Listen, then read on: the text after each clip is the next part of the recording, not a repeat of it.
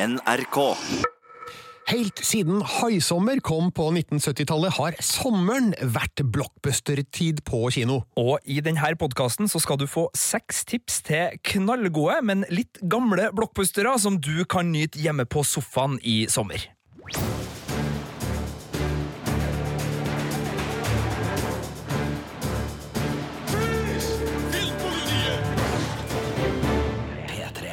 Her i studio, Birger Vestmo. Og Sigurd Vik. Og det skal altså handle om blockbustere. Altså, hva mener vi med en blockbuster, egentlig? Nei, Det er jo et ord som har litt uh, ulik betydning, men uh, veldig mange mener da uh, store kinofilmer som både koster masse penger å lage, og som er ment i hvert fall for å tjene inn masse penger, gjerne i action- og eventyrsjangeren, og gjerne om sommeren i hvert fall, så pleier de å komme om det. Det var et begrep som dukka opp rundt høysommerfilmen til Steven Spielberg, som var en effektfilm som virkelig gjorde eh, det utrygt og bad, og som kom i 1975, var ikke det, Birger? Det er helt korrekt, og fellesnevneren for alle blockbustere er underholdning. Altså gjerne underholdning uten nødvendigvis en dypere mening. Det skal være blått til lyst, og det skal trigge alt det vi liker med kino på sommeren. Altså inn og sette seg Glem regnvær utafor, hvis man bor i Norge, da, som de fleste av oss gjør, og bare ta imot det beste av det Hollywood har å by på av eventyrlig action og sci-fi og eventyr og bring me!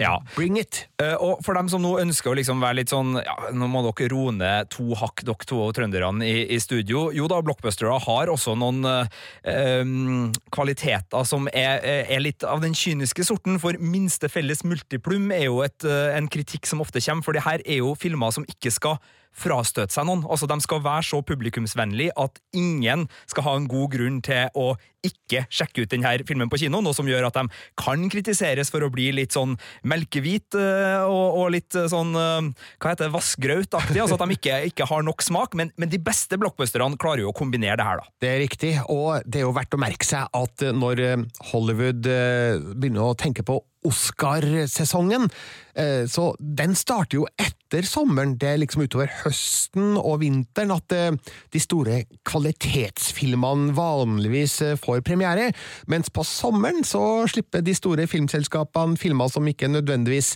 sikter seg inn mot de store filmprisene. Ja. Og øh, vi har snakka om det her litt tidligere i, i Filmpolitiet. Årets blockbustersommer på kino, øh, den har ikke blåst oss av banen så langt, i hvert fall ikke. Det har vært en del treere der, både til Godzilla 2, til X-Men, Rise of the Phoenix, og også um, Men in Black 3. Og det finnes jo artige bilder der ute nå som sirkulerer, som viser liksom sånn kinosommeren 2019, Men in Black, Aladdin, Child's Play osv., osv., som gjør at ok, det er mye gjenbruk på, på kino nå, men uh, det er jo en ypperlig anledning til å gi noen hjemmefilmtips, altså blockbustere som vi vet var bra, og som virkelig har gleda oss, og som vi ikke trenger å dra på kino for å se, men som vi kan se enten på laptopen eller aller helst da i sofakroken med en god, stor TV. Får jeg start, Sigurd? Du får start, Birger. Å, nydelig! Filmpolitiet P3 den første blockbusteren jeg har tenkt å nevne, den har du nevnt allerede, Sigurd, nemlig Haisommer, eller Jaws, fra 1975 regissert av Steven Spielberg. Hans andre spillefilm, men hans første hit og hvilken hit det ble på kino. Jeg har lest at den kosta bare, i hermetegn, ni millioner dollar å lage, og så gikk den hen da og spilte inn 470 millioner dollar på verdensbasis, og det er jo en film som er verdt å se igjen den dag i dag, og den satt på mange måter en slags mal for hvordan en moderne blockbuster-film skulle være. Eh, før eh, Haisommer så var det ikke noen stor eh, tradisjon i USA heller for å gå på kino på sommeren, ikke i hvert fall i hopetall på måten som tilfellet ble da med, med Haisommer. Men den hadde da en en, en, en, rytme og en, et underholdningsdriv som eh, traff publikum på en helt annen måte enn eh, filma flest gjorde i, i forkant, og den ble også markedsført på en ganske ny og kreativ måte, som eh, har satt standarden på hvordan store Hollywood-filmer blir eh, markedsført den dag i dag, egentlig. Så den, den var i forkant på, på, mange måter, og mm, regnes av flere som eh, den moderne sommerblockbusterens far, på en måte. Ja, eh, og da vil jeg gjerne vite, når så du den først, Birger? Og det kan jeg ikke svare på, for det husker jeg rett og slett ikke. Men det var i hvert fall ikke på kino. Eh, den hadde jo da selvfølgelig 18-årsgrense eh, på kino i Norge. Det skjedde noe rart med norsk filmsensur på 1970- og 80-tallet. Alt ble jo sensurert eller forbudt. Og Haisommer den hadde jo et par skremmende scener som gjorde at 18-årsgrensa ble satt tvert. I USA så fikk den jo aldersgrense PG, altså Parental Guidance, men eh, det påstås jo at eh, den filmen var ansvarlig for at den nye aldersgrensa PG13 ble oppfunnet, altså 13-årsgrense da i USA, men med åpning for at eh, barn under 13 kunne gå på kino med ungene sine. Eh, nå er det vel kanskje 15-årsgrense på haisommer i dag, jeg har ikke sjekka det, men eh, det gjorde i hvert fall sitt til at det var helt utelukket for meg å se haisommer på, på kino. Altså, da den kom, så var jo jeg fem år gammel, så det var jo helt utelukket. Men jeg regner med at VHS var mediet så haisommer på første gang, og gjorde et uutslettelig inntrykk. Og ble jeg redd for å bade? Ja, det ble jeg. Eh, ble jeg skremt? Ja, det ble jeg, men ble jeg også underholdt og fylt av en sånn eventyrlig følelse av å bli fortalt en utrolig spennende historie? Ja, og jeg så jo Haisommer på nytt igjen da den kom på DVD for noen år tilbake, og ble skikkelig overraska over hvor god den var, for da var det noen år siden sist jeg hadde sett den, og jeg tenker at gud bedre, her traff Steven Spielberg virkelig blink med med farten, med drivet, med energien, altså med miljøskildringa og de utrolig spenstige figurene, og ikke minst hvordan har han fremstilt denne haien, som vi har forstått i ettertid ikke var bare bare, for med 1975 spesialeffektnivået så var det et herk for Spielberg og co. under innspillinga, og det har vel faktisk ført til at filmen ble mer skremmende enn den egentlig skulle ha blitt, fordi Spielberg hadde jo planer om å bruke mye mer hai i Haisommer enn det ble. Ja, I stedet for så ble det musikk som signaliserte noe, som gjør at det soundtracket har blitt eh, ikonisk, rett og slett. Ja, og, og Vær så god. Nei, jeg skal ikke Nemlig. Akkurat. Ja. Og ikke minst kameraføringa under vann, fra haiens synspunkt, der du ser sprellende bein i vannflata over, og, eh, og så ble det jo mer skummelt når du ikke ser helt, og ikke veit helt hvor haien er, hvor haien kan dukke opp, og det er jo et triks mange har benytta seg av i ettertid. Eh, for eksempel i Ridley Scotts Alien, som kom eh, fire år etterpå, der, der skjer det jo nesten ikke alien-monstre, men det er på en måte tilstedeværende under hele filmen likevel. Og så er det jo verdt å merke seg at uh, det er ingen tvil om at sånn i blockbuster-sammenheng, altså underholdningsfilmsammenheng, så har uh, Jaws gjort seg veldig bemerka, men det er jo også en skrekkfilm Uh, ja, ikke gudfar, men altså en, en for, uh, foregrunnsfigur. Og jeg vet på kino den 12. juli i år så kommer det en film som heter Crawl, som jeg har sett traileren på, for den så jeg når jeg var så John Wick her sist nå. Det er en klassisk sommerskrekkfilm, og uten å avsløre for mye, så kan jeg si at uh, den er et levende bevis på at haisommer lever videre. Om ikke akkurat i haiform, så er liksom uh, glefsende dyr under vann en sjanger som definitivt har overlevd på kinolerretet sin 75. Du verden, bare haifilmer. Du så vel Meg her for det to år siden den kom? Ja, The Meg Nei, det er vel i fjor, faktisk. I fjor, eller, eller ja. var det til og med i år? Jeg husker ikke lenger. Men i hvert fall, det var en ålreit haifilm, det òg. Men den slår ikke gudfaren av alle haifilmer. Og har du ikke sett Haisommer eller Jaws, så har du all mulighet til å gjøre det, for den kan du se på Prime hvis du abonnerer på det, og du kan leie den og kjøpe den overalt digitalt. og eh, den er fra 1975, men den har virkelig ikke tapt seg, og det er en film med et driv som kan måle seg med enhver moderne film. Ja. Skal jeg ta neste film, da? Yes! Skal vi spole sånn cirka ja, hva blir det da? 29 år fram i tid? Fra 1975 til 2004. Ok.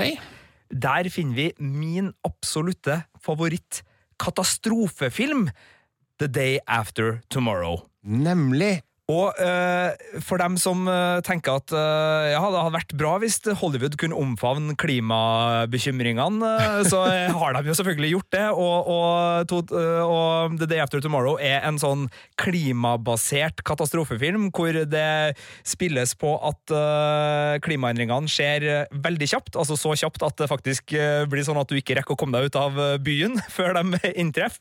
For der raser alt sammen og kollapser på deiligste vis. og det gjør at veldig mange mennesker havner i skvis og i klemmer, og at det selvfølgelig finnes da vitenskapshelter som er nødt til å redde folk ut av elendigheter.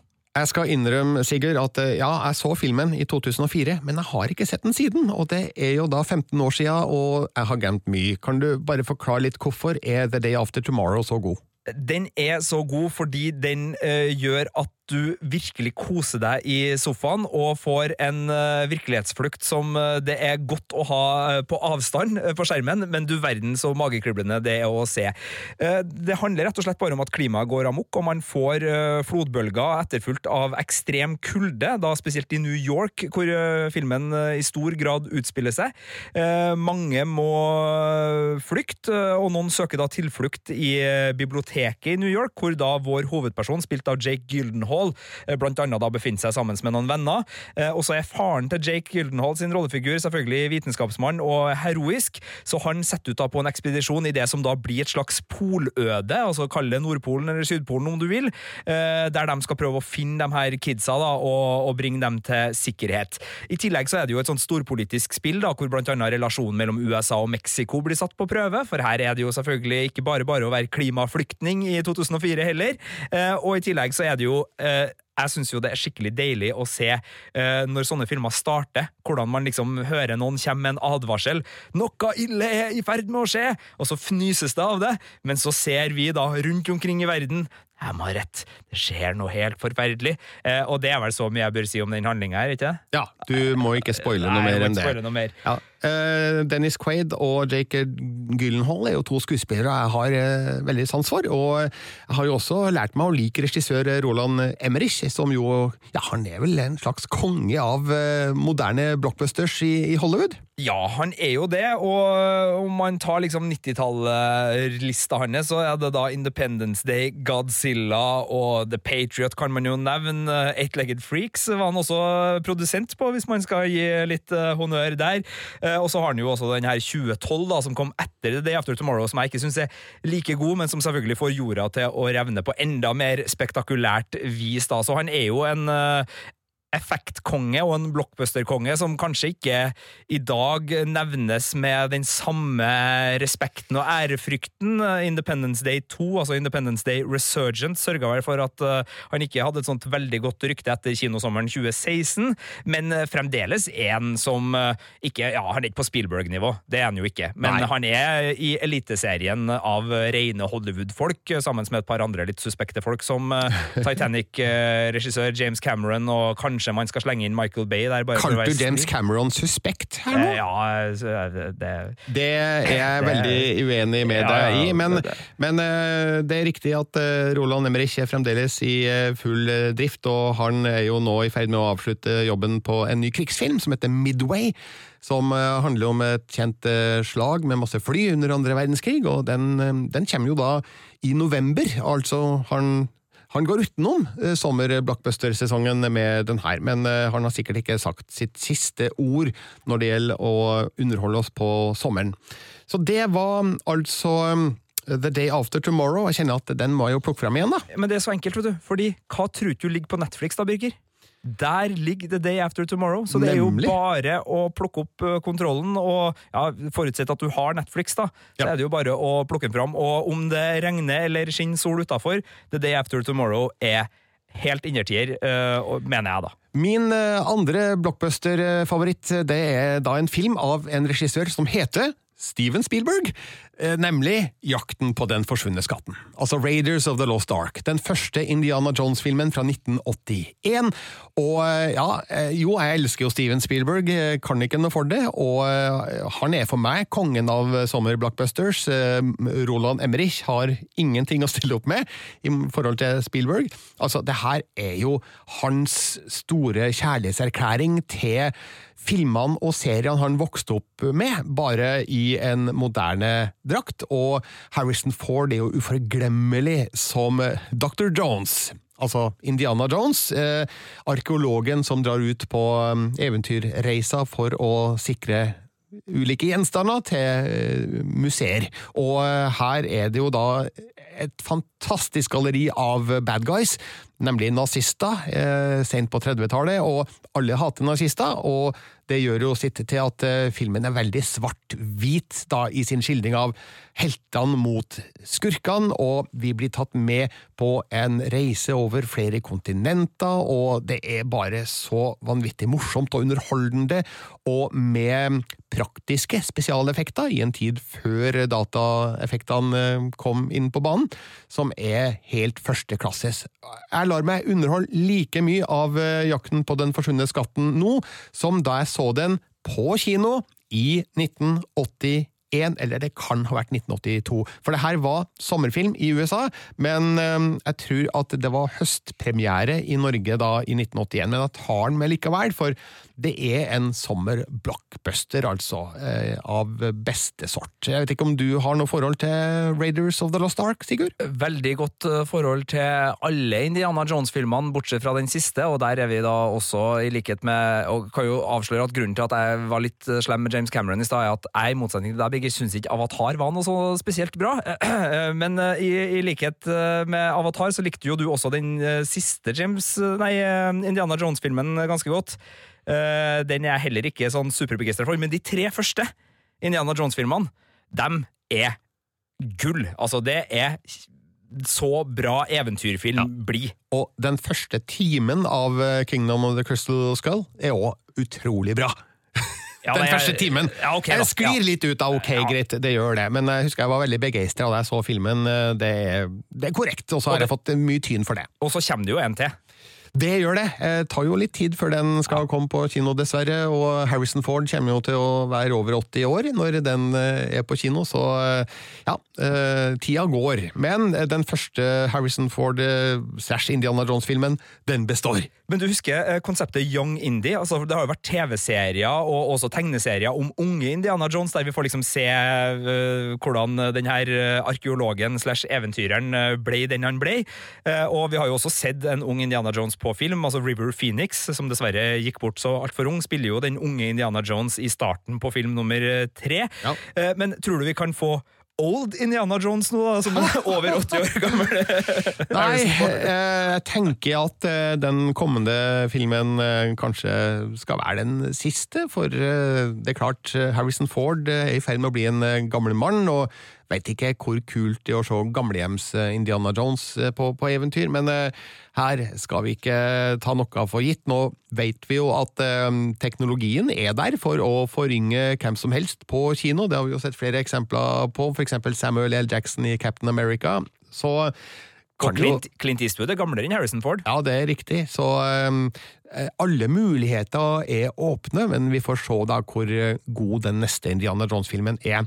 Men faktum er at jakten på den forsvunne skatten den er konge. Det, det, det er en milepæl i sommerblockbuster-sammenheng, og eh, den, den, trykker på akkurat de rette knappene. Den, den underhell, eh, den morer, den eh, skremmer litt, men det er bare sånn fantastisk driv i denne filmen, og jeg blir bare fylt av en sånn utfartstrang og eventyrlyst av å se filmen. Ikke at jeg nødvendigvis har lyst til å Eh, utføre de samme tinga som Indiana Jones gjør, eh, bade i slanger og sånn, men eh, det er i hvert fall bare en sånn høykvalitetsstund da, med det aller, aller beste Hollywood har å by på. og den står seg like godt i dag, og kun omtrent ikke har vært laga bedre i dag, tror jeg, enn det den ble i 1981.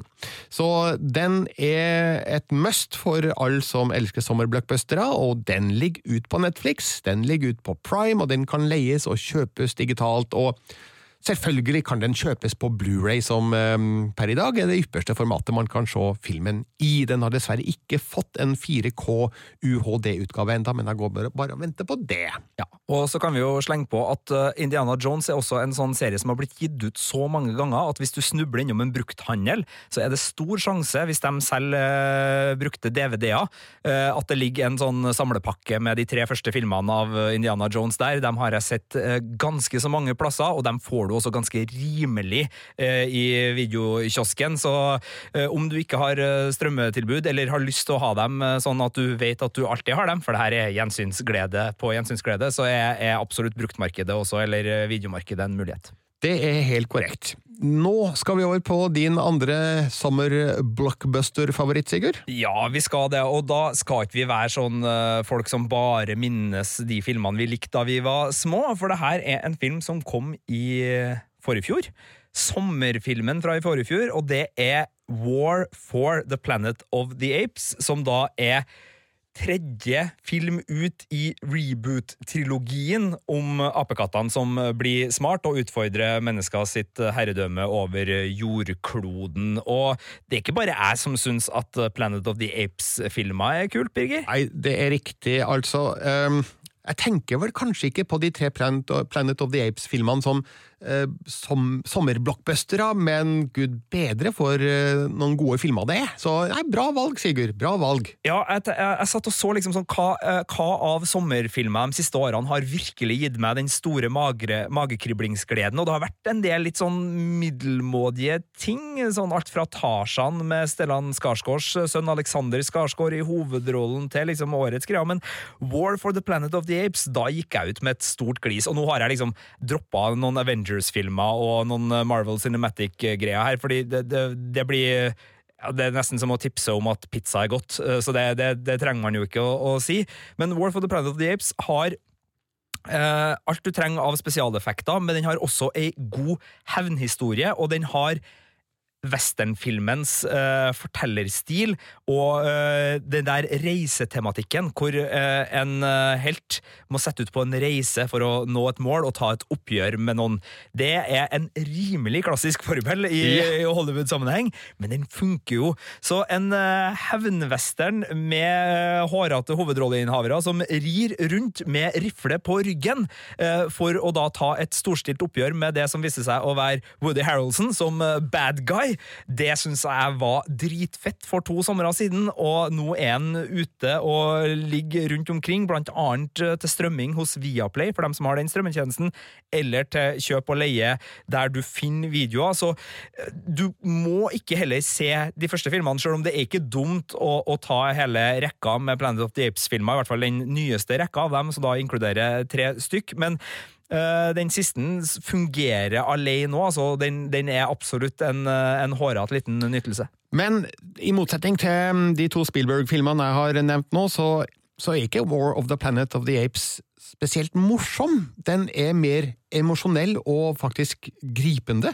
Ja, det er sant. Den har ikke det der øh, øh, humorlaget som ligger veldig tydelig på, men den er ikke så sober og alvorlig at du liksom ikke ikke føler på popkorn-vibben. Altså, den, den, er underholdningsfokusert, så, så, den er ikke vemodig eller trist på en måte som gjør det ubehagelig mer enn akkurat der og da, og så, så går det videre. Men det er klart, det er jo tankegods som ligger til grunn her i hele Planet of the Apes-sagaen, som er eh, vesentlig, som handler litt om eh, både oss mennesker og, og, hvordan vi er bygd opp, og, og hva vi holder på med av eh, tukling og, og, sånt med naturen, da.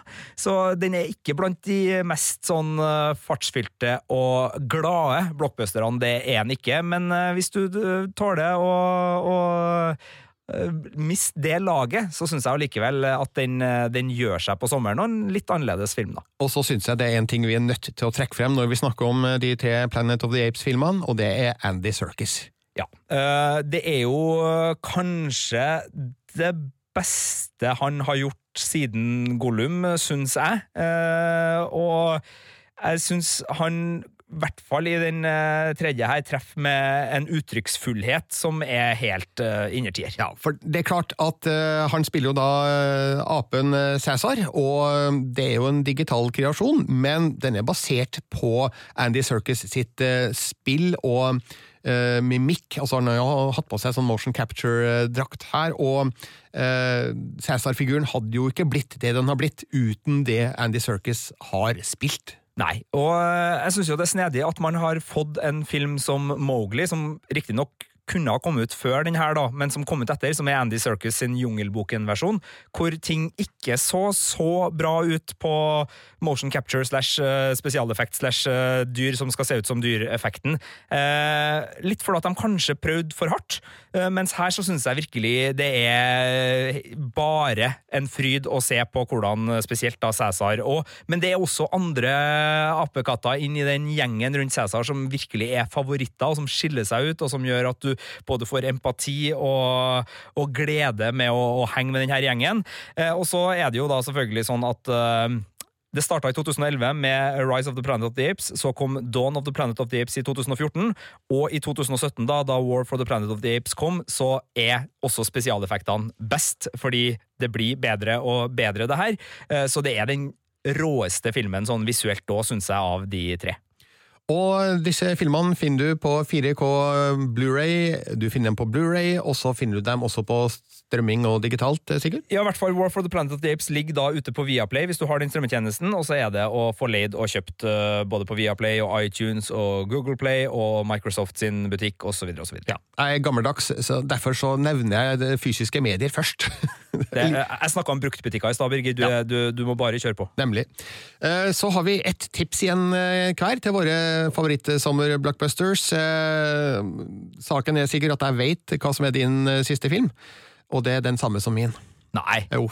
Eh, vi, vi, må slå sammen her. Må vi, slå vi må sammen? slå sammen her for å snakke om Independence Day fra 1996. En ny Roland Emmerich-film her, altså. Eh, vet du hvorfor jeg har valgt den? Fordi det er en knallbra film ja, som både har humor, action, rominvasjoner og Will Smith, da Will Smith var den kuleste duden på kino. Bortsett fra det, så eh, så jeg den sommeren 1996 i USA, og det var liksom den første ekte summer blockbuster-opplevelsen jeg hadde, fordi før det, så Altså, det tok jo lang tid før eh, dette med blockbustere på sommeren ble vanlig i Norge, eh, men jeg lurer på om det foregikk et skifte sånn ca. midt på 1990-tallet, og at Independence Day kanskje var eh, en del av det. Jeg husker jo at jeg så den i USA i juli 96, og så kom jeg hjem, og da, da, kom den opp i Norge. Så da så jeg den igjen, da. Greia er at det her er jo litt sånn smalt personlig minne, da, men jeg så den på en litt sliten kinosal i USA, der lyden kun kom ut ifra venstre kanal. Eh, så det la jo en demper på opplevelsen, da. Så jeg, jeg så Independence Day, men jeg hørte den egentlig ikke. Så det var godt å komme hjem til Norge og til ordentlig kinoforhold og se den på nytt igjen. Ja, og den finnes i 4K-utgivelse, vil jeg tro? Det, det, har jeg faktisk ikke sjekka, men den okay, finnes ja. jo i hvert fall på Blu-ray og DVD og digitalt og whatever. Og det er jo en fantastisk sommerfilm på alle mulige måter. Ja, fordi den har såpass mange historier. Det er det jeg kjenner at jeg gleder meg mest med. Det er ikke en flettverksfilm i den forstand at den eh, er liksom sånn helt uavhengig av hverandre, så, så viser det seg at ting henger sammen. Den er enklere enn som så, men den har en familie på tur, den har en hovedperson som har sin bakhistorie, den har det storpolitiske, den har rominvasjon. Altså, den har nok lag da, til å alltid kunne klippe til noe som også er spennende. Ja. Den har ikke noen dødpunkter, den har ingen historietråder som er løs, slapp og bare dingler. Og så har den en fyr som jeg er veldig glad i, selv om jeg kan forstå ut fra å ha lest sladrepresset i mange år at han kan være en håndfull. Uh, Randy Quaid, uh, broren til Dennis Quaid, som vi snakka om tidligere i denne podkasten, som spiller hovedrollen i The Day After Tomorrow. Men Randy Quaid er en litt mer brautende kar. Han er vel storebroren til Dennis Quaid, ikke sant, Birger? Ja, noen år eldre, ja. ja og og har gjort seg bemerka i f.eks. juleklassikere som uh, Griswold-familiens Hjelp, vi er på juleferie, og, og, litt sånne ting. Ja, og spille i Days of Thunder. Det gjør han også, øh, men her så er han altså Han er den der rølpete amerikaneren, den litt gale, rølpete amerikaneren i, i mange filmer, og her syns jeg han gjør den rollen til perfeksjon, da. Og så har du Will Smith i kanskje sin store gjennombruddsrolle på verdensbasis, i hvert fall, da, som cap'n Stephen Hiller. Jack Black. Daske en alien i ansiktet og si 'Welcome to Earth', og så tar han seg en sigar. Eh, du har Bill Pullman som presidenten, altså hvem husker ikke den talen han holder? Skulle ønske at han var president på ordentlig. Eh, 'Today we celebrate our Independence Day', og til og med jeg ble jo litt sånn nasjonalistisk på amerikanernes vegne da jeg så det. Og så har du selvfølgelig Jeff Goldblum, som på mange måter gjentar rollen fra Independence Day, nei, fra Jurassic Park, egentlig, da, som eh, David Levinson. Ja.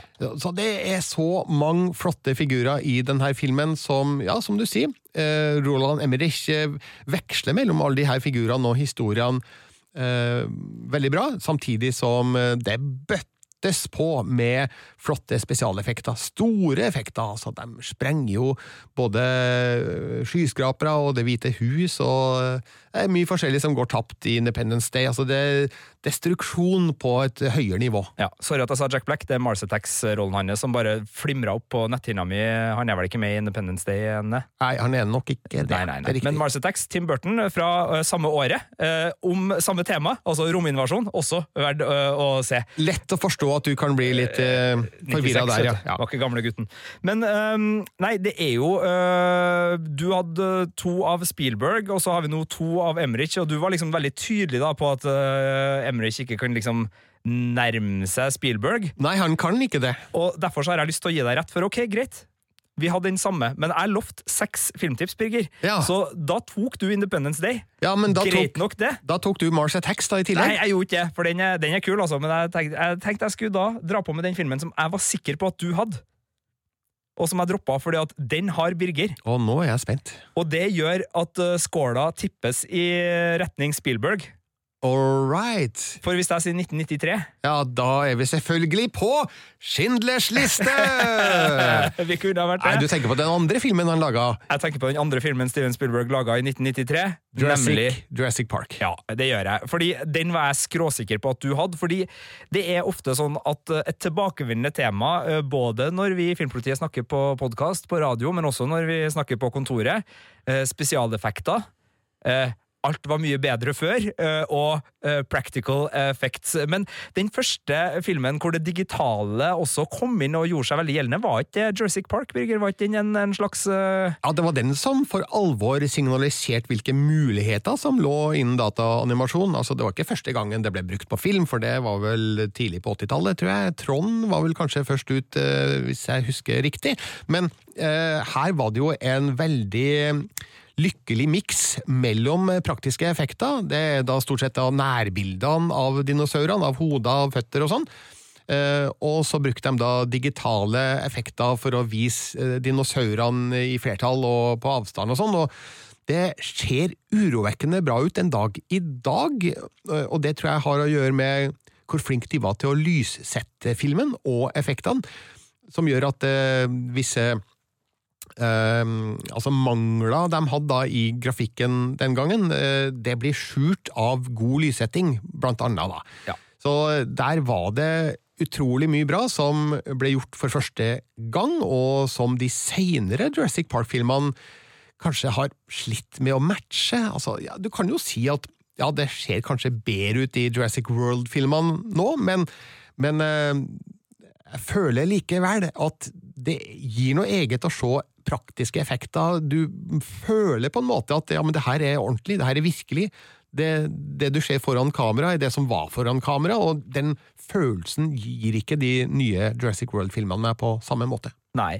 Jeg er jo veldig glad i den forrige Jurassic World-filmen, som også vel kom i forrige fjor, altså Fallen Kingdom. Eh, Den syns jeg var et steg opp fra den første i, Chris Pratt sin eh, ja, kall det reboot, eller fortsettelse, eller hva man pokker skal si. Men det er jo ikke noe tvil om at den aller første er den beste, både av originalitet, men også, som du sier, den har et utseende som er helt nydelig, og den har et manus som virkelig svinger. Altså, der driver ikke jeg med å lage varianter av et godt manus, der lager de et godt manus. Eh, og det er jo befriende, for oppfølgerfilmer sliter jo ofte med det, at de skal liksom ta vare på alle kjerneverdiene som gjorde eh, originalfilmen så god. Så derfor så blir det litt sånn nesten like gode løsninger, eller forsøk på nesten like gode løsninger. Det problemet har ikke Jurassic Park. Selvfølgelig så kan man jo si at fabelen ikke er helt uh, ut av det blå, og det er ei bok som ligger til grunn, og den boka er jo verdt å sjekke ut, og det er også samme forfatteren som har skrevet Westworld, så det er jo ikke noe tvil om at det kommer fra en hjerne som er rimelig, rimelig god. men det er et eller annet magisk med Jurassic Park som gjør at den har overlevd fra 93 til i dag, syns jeg, på samme vis som øh, første Indiana Jones-film har gjort det. Altså, det er utseendemessig ikke verre enn at jo da, du ser at det ikke er nytt, men det fungerer, det føles ikke ekstremt datert, og så er det et uh, eventyr i bunn som gjør at man sitter med en sånn magekriblende godfølelse hele veien. Og så er det jo Newman fra Seinfeld uh, som uh, får lov til å være Altså, det jeg skulle ha ønska skjedd med Newman i Seinfeld, skjer i Jurassic Park. ok, ja. En veldig bra sidefigur der, om vi ja. kan kalle det Bifigur, heter det. Men jeg husker jo utrolig godt jeg så filmen for første gang, og det er jo så mange høydepunkt i den filmen, men det store høydepunktet er jo når T-rex kommer, og du eh, ser bare et vannglass der det kommer krusninger i, i vannet, samtidig som du hører dype drønn på lydsporet, og så bare bygger det seg opp og opp og opp, og så kommer T-rex frem og gir fra seg et eventyrlig brøl, og det er så strålende laga at jeg jeg kjente det sitra i kroppen da, og det gjør det fremdeles når jeg ser Jurassic eh, Park fra 1993.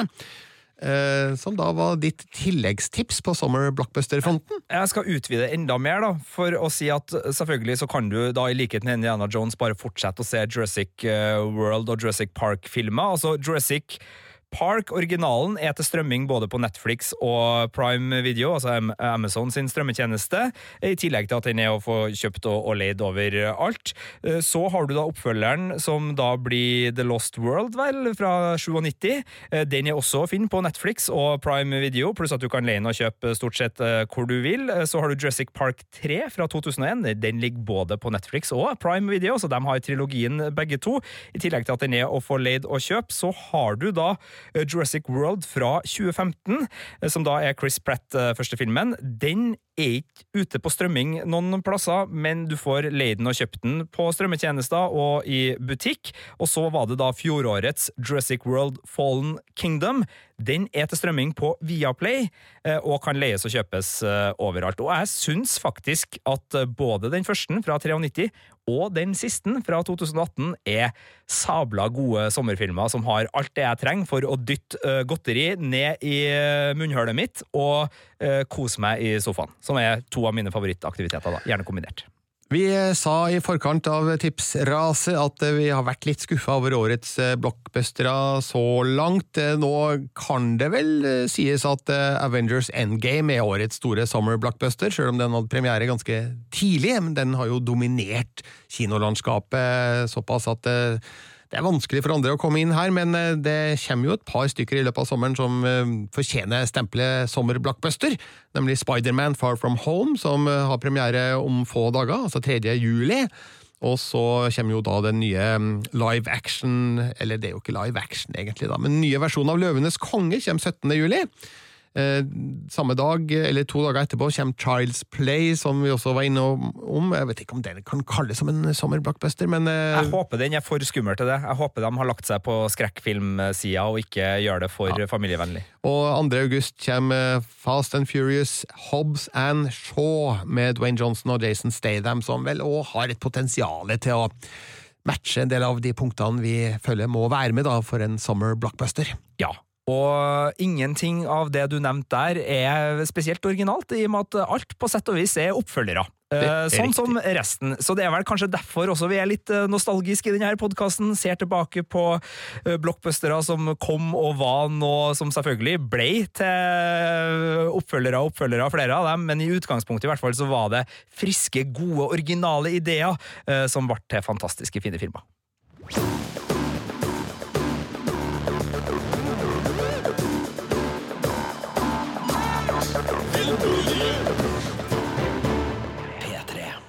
Vi forlater klassiske sommerblockbustere og går over til en av ukas eh, aktuelle premierefilmer på kino.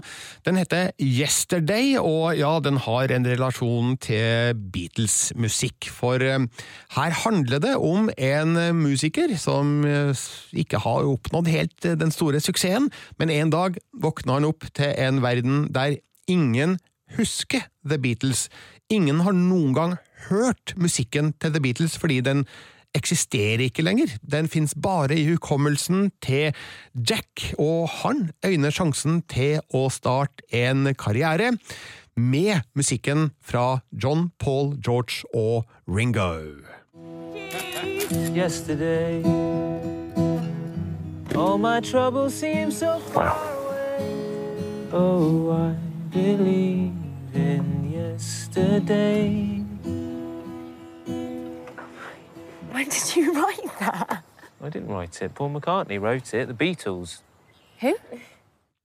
Ja, akkurat. Det er utgangspunktet for Yesterday, og jeg bare ser at du, du rister på hodet, Sigurd. Jeg vet ikke hvorfor du gjør det? Nei, altså, den her filmen Da noen sa at den skulle lages til meg for ja, kanskje et år siden, så trodde jeg det var en spøk. Altså, jeg, jeg flira og sa sånn ja, ja, ja.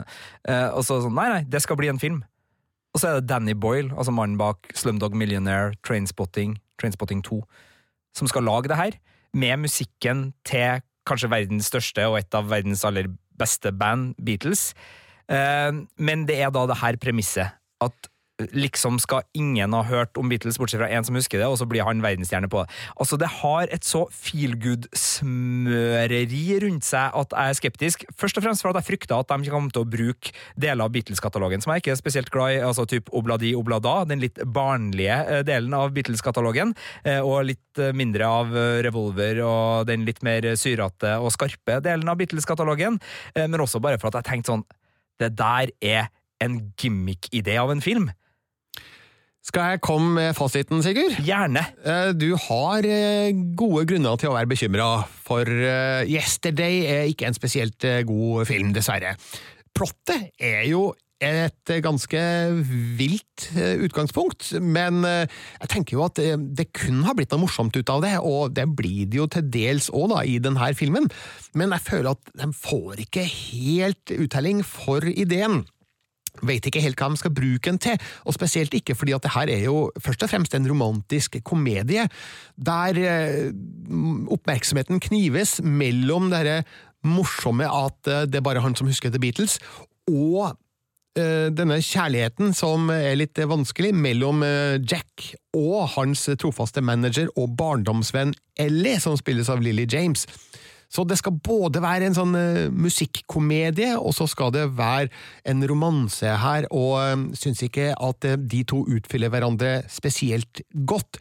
Nå er det her en film som er skrevet av Richard Curtis og produsert av Tim Bevan og Eric Fellner, og det her er altså da teamet bak eh, suksesser som Notting Hill, Bridget Jones' dagbok, Love Actually og eh, Du sa jo at Danny Boyle er jo regissøren fra en rekke suksessfulle filmer, og han er jo en regissør som har uh, turnert flere ulike sjangre med stort hell, men uh, akkurat når det gjelder romantisk komedie, så virker det som om Boyle ikke helt har draget på romansen, da, for det blir liksom ikke den temperaturen som jeg trenger mellom hovedfigurene. Tror ikke helt på at Ellie har liksom gått rundt i 20 år og vært forelska i sin barndomsvenn. og når hun da til slutt signaliserer hva hun føler for han, så ja, da blir han automatisk forelska i hun. Jeg vet ikke om det, det, det virker bare sånn unaturlig, da, at uh, sånt skal skje, og så må han velge mellom musikken og kjærligheten, og det føles litt kunstig.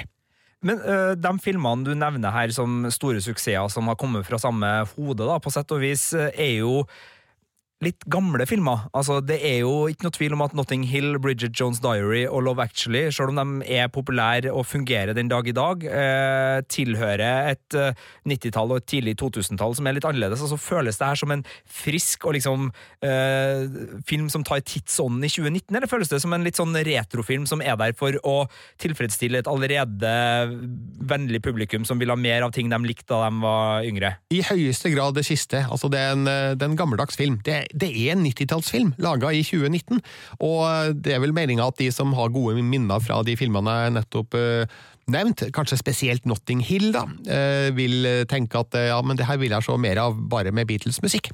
Men jeg syns at det, det, det, er ikke godt nok, rett og slett. De greier ikke å og utnytte, som jeg sa, potensialet som ligger i den litt fiffige ideen. Og så greier de ikke å stable en romanse på beina som, som jeg føler for, i hvert fall. Og går ikke rundt og føler på noe hjerte og smerte for verken Jack eller Ellie, og tenker at ok, greit, det er koselig mye av det her, men det er ikke bra nok da til en 2019-film. Musikken er jo vesentlig, for nå har vi jo fått liksom, vi har Queen-filmen Bohemian Rhapsody, som bruker Queen-musikken. Vi har fått Mamma Mia 2, uh, og for så vidt Mamma Mia, som bruker ABBA-musikken. Vi har Elton John sin musikk i uh, Rocket Man, og hvis du går på Netflix, så finner du Mutley Crew sin versjon òg. Men altså, Beatles er jo størst. Ja. Beatles er jo best. Uh, det her er jo ikke en film som spiller på musikken sånn som Rocket Man og Bohemian Rhapsody gjør, enten da i biografiform eller musical-form. Det er en annen fyr som framfører det. Altså, hvordan blir musikken i det her? Altså, Beatles-låtene er jo svingode. Det har de jo alltid vært, og, det er de fremdeles. Og så er Himers Patel en, eh, en forholdsvis ålreit uh, uh, sanger, og men, men, men, jeg, men syns at hans versjoner blir ganske kjedelige, da, med originalene ganske tungt til stede i bakhodet. Eh, jeg føler at de, de, gjør ikke noe spesielt nytt og spennende ut av musikken. Det, det blir bare litt sånn halvveis karaokeaktige versjoner av de store Beatles-låtene. Og eh, her burde de virkelig ha gått en annen rute, tenker jeg da. De, de burde ha sett på Moulin Rouge og bare gjort noe helt nytt og spennende med Beatles-musikken, i stedet for å lage litt sånn tørre, kjedelige versjoner av låta som er langt bedre i originaldrakt. Ja, for jeg tenker jo trubadur og nachspiel-gitarist når jeg hører om dette konseptet. Ja, her. Nå har jeg ikke sett den ennå, men altså, det her er jo låter som ja, ofte havner der, da, men det er jo ikke noe man betaler kinopenger for å se. Det er jo ting som bare går i bakgrunnen hvis man er så uheldig å gå forbi. Ja, og så er liksom poenget med at eh, Jack er den første som spiller Beatles-låta, det er oppbrukt ganske kort tid ute i filmen, og etter det så er det mer et sånt lite irritasjonsmoment, i hvert fall hvis du er stor Beatles-fan. Det, det, gir meg ingenting å høre Jack fremføre Beatles-låta i Yesterday-filmen, og det er jo et lite tankekors. Det er absolutt det, og uh, jeg må ærlig innrømme at jeg er også spent på et annet uh, av mine irritasjonsmoment. Uh, de har jo lurt med Ed Sheeran inni det her. hvordan funker det å liksom skulle krydre det med aktuell stjernekraft? Jeg vil jo si at Ed Sheeran faktisk er et lite lyspunkt her i, i Yesterday. han har jo vært med tidligere på film og i, ja, i serier, det vil si én serie, da, Game of Thrones, som han fikk mye pepper for, men, men her kan du ikke arrestere han, tror jeg, for han spiller seg sjøl, eller en versjon av seg sjøl. Han, han, er rett og slett en eh, litt eh, misunnelig superstjerne her, fordi han innser jo at eh, Jack Malik kommer på banen med låter som er tusen ganger bedre enn hans egne, men han tar jo Jack under sine vinger på en måte og hjelper han i studio. Et av de morsomme høydepunktene fra filmens trailer er jo når han foreslår at Hey Jude kanskje bør døpes om til Hey Dude, for det høres mye bedre ut. Men han, eh, han, er ikke en veldig essensiell del av filmen, det er han ikke, men han er et morsomt krydder. Da, så jeg, jeg har ikke noe spesielt å utsette på Ed Sheeran her. Han virker fremdeles som en uforskamma, hyggelig fyr. Ja, ok. Ja, og det er jo ikke nødvendigvis Ed Sheeran sin feil at det gikk eh, galt i Game of Thrones heller, det er jo mer rollefiguren han fikk utdelt, så han skal eh, for så vidt frikjennes litt der også. Men for å oppsummere, da, så er ikke det her en film for Beatles-fans? Nei, jeg vil ikke synes det. Jeg vil ikke tro det. Men uh, det fins helt sikkert et publikum for filmen som kommer til å like den mye bedre enn det jeg har gjort. Men uh, jeg, jeg, føler at den er, den er, enkel. Den er ukomplisert. Uh, den er den er naiv og gammeldags, og noen vil jo synes at ja, men det er jo fantastisk flott, men for meg så blir Yesterday bare halvveis det den kun har blitt da, med det utgangspunktet og med den musikken, og derfor så har jeg gitt terningkast tre til Danny Boyles Yesterday.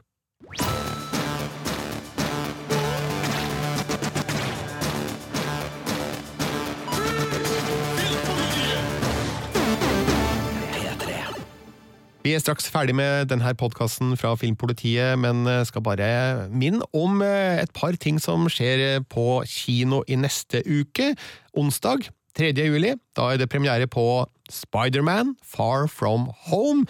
Enda en Marvel-film, så får vi se hvor mange som har lyst til å gå og se den. Og så er det da premiere på en ny dokumentarfilm eh, fredag 5. juli. Diego Maradona av Asif Kapadia som da handler om fotballspilleren Diego Maradonas eh, storslagne karriere, og like storslagne fall, kan vi si. Ja, men den største premieren neste uke er kanskje ikke på kino, den er nok på TV-skjermen, fordi 4. juli, selveste nasjonaldagen, så kommer ja, Netflix sin største TV-serie i form av populærkulturell påvirkning og popularitet, i hvert fall. Stranger Things sesong tre eh, er da ute. Jeg har allerede sett den, Birger. Ja, men da kan du jo bare fortelle her og nå åssen den er. Men jeg får ikke lov til å si noe. Fordi at eh, vi er, har eh, skrevet under en slags avtale da, om at eh, det er noe som heter sperrefrist. Det er forferdelige greier, men jeg, jeg sier det nå. Sånn er det. Til og med NRK, deres folkekjære folkeopplyser og, og statskanal, holdt jeg på å si, uh, måtte godta det her for å få tilgang på screenerne, sånn at vi får sett dem i god tid. Så det er da en felles sperrefrist for all presse som går ut over helga. Men anmeldelsen kommer, ja. om Eh, og, og, i god tid før, før det slippes på, på, Netflix. Men eh, det, altså det er jo ikke så verst uke når vi snakker om sånn Hva skjer neste uke? Nei, det kommer Maradona, Spiderman og Stranger Things, da! Det er ganske ålreit. Ja. Eh, har du et terningkast klart? Eh, ja, jeg har nok det. Ja. Mm. Ja. Kan, kan, du holde opp antall fingre til meg? Nei, det spoiler jo for deg, ikke? for, for du meg, har ikke sett den. Ja, Vi jobber jo sammen. Ja, altså. Hvis du vet hva jeg syns om den, får du til å liksom Nei, det er sant. det er sant. Nei, jeg vil, ikke, jeg vil ikke vite noe. Jeg vil oppleve Stranger Things sesong tre sjøl på Netflix. Og um, når kan jeg det, sa du? 4. juli kommer Stranger Things sesong tre på Netflix. Åtte episoder med gjengen fra Hawkins, Indiana. Um, og vi kan allerede love at det kommer til å komme en spesialpodkast fra oss i Filmpolitiet der vi med spoilere diskuterer den sesongen virkelig, men den kommer etter premieren, sånn at man kan se Stranger Things, og så kan man uh, høre om vi er enige eller uenige om ting som skjedde. Det høres ut som en veldig god plan, og med det så setter vi sluttstrek for podkasten. Bare minn om at du finner oss på Instagram og Twitter, søk etter Filmpolitiet. Du finner oss uh, også på e-post, uh, filmpolitiet etter nrk.no hvis du vil det. Og så vil vi gjerne ha en rating og en kommentar der du har funnet denne podkasten. Det hadde vi satt veldig stor pris på. I studio i dag Sigurd Vik og Birger Vestmo.